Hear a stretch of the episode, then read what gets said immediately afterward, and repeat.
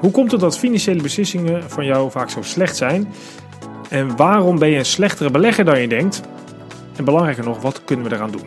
Nee, en dit is geen podcast om je te bashen, maar om je te leren betere beslissingen te nemen.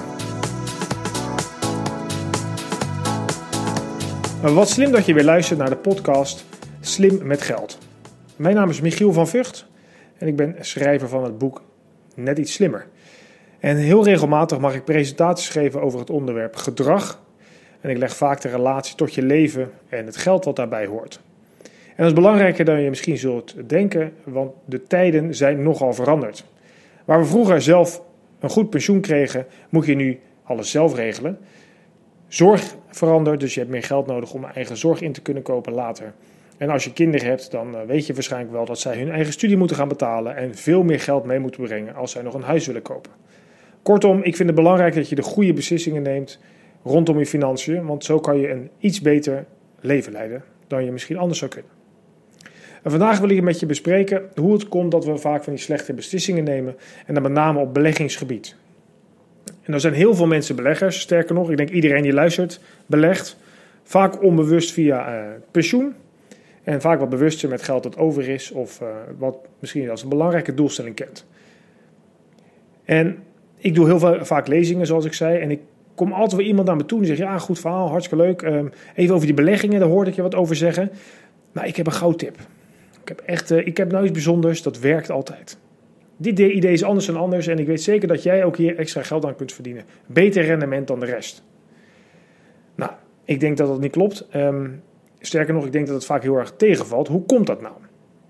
Laten we eens even een, een metafoor maken. Uh, de voetbalmetafoor. Sorry dames, Um, jullie zitten daar misschien iets meer in, maar ik denk dat jullie dit ook kunnen volgen. Namelijk Lionel Messi, kent iedereen denk ik, de beste voetballer aller tijden mogelijk. En stel nou dat je een één op één wedstrijd tegen hem moet spelen. Denk je dat je een kans maakt? Nou, waarschijnlijk niet. Hè? Waarschijnlijk lach je nu een beetje van, natuurlijk niet. Geen enkele kans maak ik op een, met een eerlijke manier van spelen. Des te opvallender is het dan ook dat veel mensen wel denken het beter te kunnen beleggen dan bijvoorbeeld superbelegger Warren Buffett die tegelijkertijd een van de rijkste filantropen op aarde is. Dus we denken wel vaak dat we uh, het beter kunnen doen dan professionals. En voor hun is het zelfs lastig. Laat staan de onwetende particulier. Die maakt toch vaak fouten, zoals massaal beleggen in bitcoins. Of zelf beleggen in een paar losse aandelen die we dan misschien kennen. En het resultaat is vaak erbarmelijk. Nou, dat komt in heel veel gevallen door ons gedrag. Uh, en we hebben enorm veel uh, soorten gedrag er zijn heel veel gedragingen die uh, debet zijn aan slecht uh, resultaat. Die hoor je ook in andere podcasts of op mijn blogs, op mijn site, Michiel van Vught, gt.com, van Vught met gt. Um, maar als we kijken naar de beleggingen, heeft het te uh, met name te maken met een stukje overmoed. Dan laat ik eens even een klein testje met jullie doen. denk eens aan een blauwe vinvis, die hele grote walvis. doe eens een schatting wat het gewicht kan zijn van dat beest en doe dan een hoge schatting en een lage schatting. Dus met andere woorden, maak een, kies een range waar die uh, in ieder geval tussen valt. En kies dan ook getallen ver genoeg uit elkaar, zodat je met 90% zekerheid kunt zeggen dat het goede antwoord dat je geeft in die range ligt. Nou, en doe hetzelfde voor de afstand naar de maan. Nou, als je het nou zo op een goede manier doet en je uitkomsten zijn zo goed gekozen, dan moet je het dus durven om 90 euro in te zetten om uiteindelijk een tientje te winnen. Want je hebt tenslotte 90% zekerheid gekozen. Nou, ik ben benieuwd of je een beetje richting de goede antwoorden kwam. Een volwassen vinvis weegt 170 ton. Dit is 170.000 kilo en net zoveel als gemiddeld 2070 mensen. Enorm zwaar. En de afstand naar de maan is 384.000 kilometer en een beetje. En dit is ruim 9,5 rondje om de aarde. Nou, oké. Okay. Fair enough. Genoeg getallen. Wat kan er nou gebeurd zijn? Uh, in essentie zijn er drie opties mogelijk. Eén, je schatting is fout. Twee, je schatting is goed doordat je een enorme marge hebt gekozen. Bijvoorbeeld een vinvis weegt tussen de 1 kilo en 10 miljoen kilo. Of je hebt het goed met een normale marge. En in het laatste geval ben je slim, misschien zelfs een expert of je hebt wat geluk. In het tweede geval heb je geen idee en geef je dat eigenlijk toe door een extreem ruime marge te kiezen. De meeste mensen die deze testjes doen, vallen echter in de eerste categorie: je schatting is fout. En dit komt dan omdat we onszelf overschatten en we overmoedig zijn.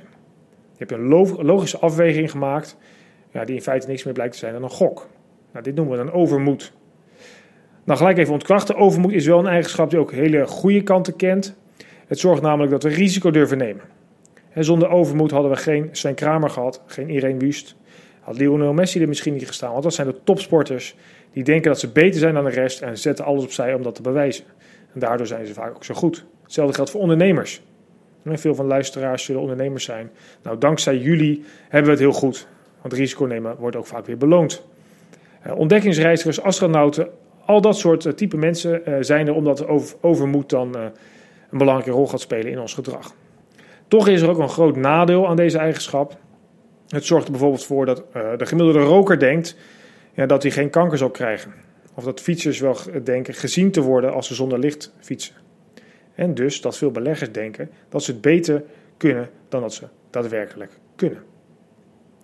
Nou, dit heeft ook deels te maken, denk ik, het feit dat we het zo slecht doen door onze opvoeding als volk.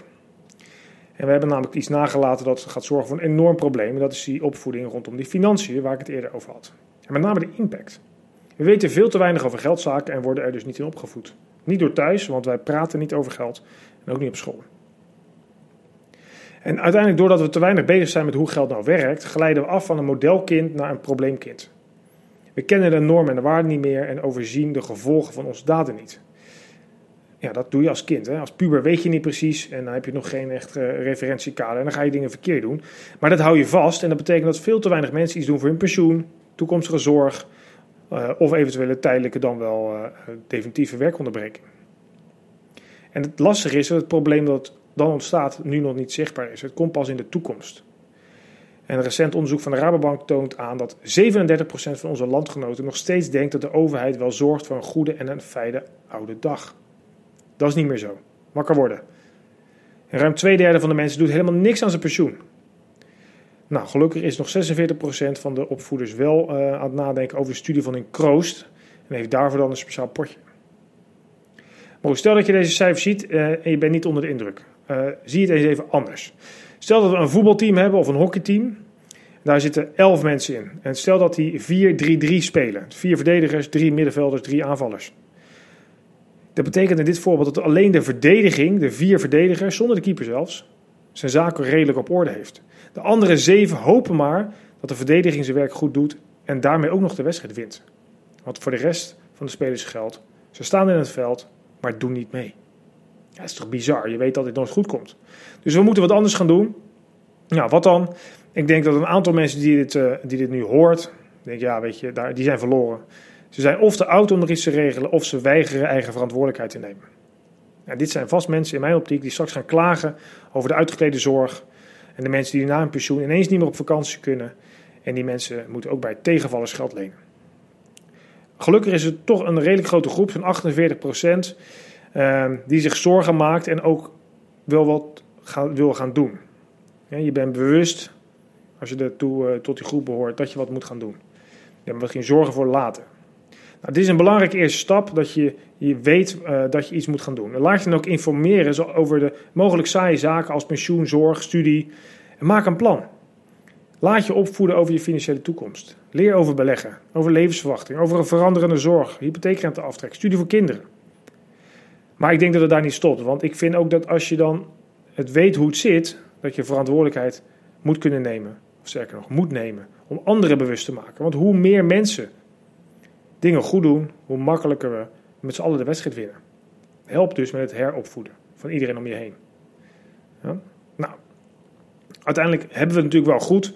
We hebben het fantastisch goed, denk ik zelfs. Dus we zijn in staat om het ook te gaan regelen. Nou, ik denk dat we die vrijheid en die, die keuzes en mogelijkheden die wij krijgen ook moeten gebruiken. Ja, nou, als je nog eens even kijkt naar uh, hoe je nou die beslissingen beter neemt rondom je beleggingen, waar ik mee begon, daar zijn wat ideeën voor. Zo is uh, professor Gilovic, een psychologieprofessor op Cornell University, die adviseert om een pre-mortem te doen. Misschien kennen mensen dit wel. Dit is in essentie de, een uh, strategie waarin je je inbeeldt dat je plan volledig mislukt. En dan ga je dus eigenlijk nadenken van hoe is dat dan gekomen.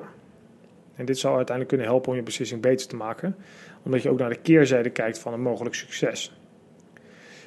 Uh, professor Heersleifer uit Californië breidt dit nog wat uit door ook je in te leven in de andere kant van de keuze. Dus stel dat jij een aandeel wil gaan kopen, in dit voorbeeld. Ja, waarom zou iemand anders dat dan daadwerkelijk willen verkopen? En ik begon een beetje, ik denk, ja, de meeste van jullie zullen niet bewust zelf beleggen. Nou, ik pleit ervoor om dat zo te houden. Uh, zelf beleggen is toch een beetje casino-gedrag. Doe dat dan lekker ook in het Holland Casino in het weekend met vrienden. Hetzelfde resultaat qua opbrengst, denk ik, maar veel gezelliger. En voor een serieus geld, serieus vermogen, stel je een duidelijk plan op. En dan moet je eerst weten ja, wat je wil bereiken, uiteraard. Dan weet je pas het plan. En dan kun je pas een plan maken naar je doelstelling.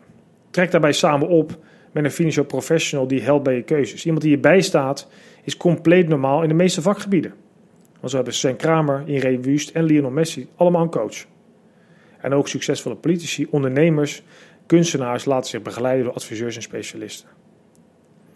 Dus afgerond, ik gun je een fantastisch leven. Maar aan jou de keuze. Neem je je financiële toekomst serieus? Of ga je als een amateur de toekomst in? Ik nodig je vooral uit om op michielvanvugt.com, Vught met V-U-G-T, je aan te melden op de nieuwsflits. Krijg je elke maand een slim mailtje met wat mooie inzichten. Elke week zie je daar een blog, zo nu dan een filmpje of een podcast. Ik help je graag naar een net iets beter leven. En als jij dat dan doorgeeft, dan wordt alles nog wat mooier dan het al is. Bedankt voor het luisteren en een hele fijne dag.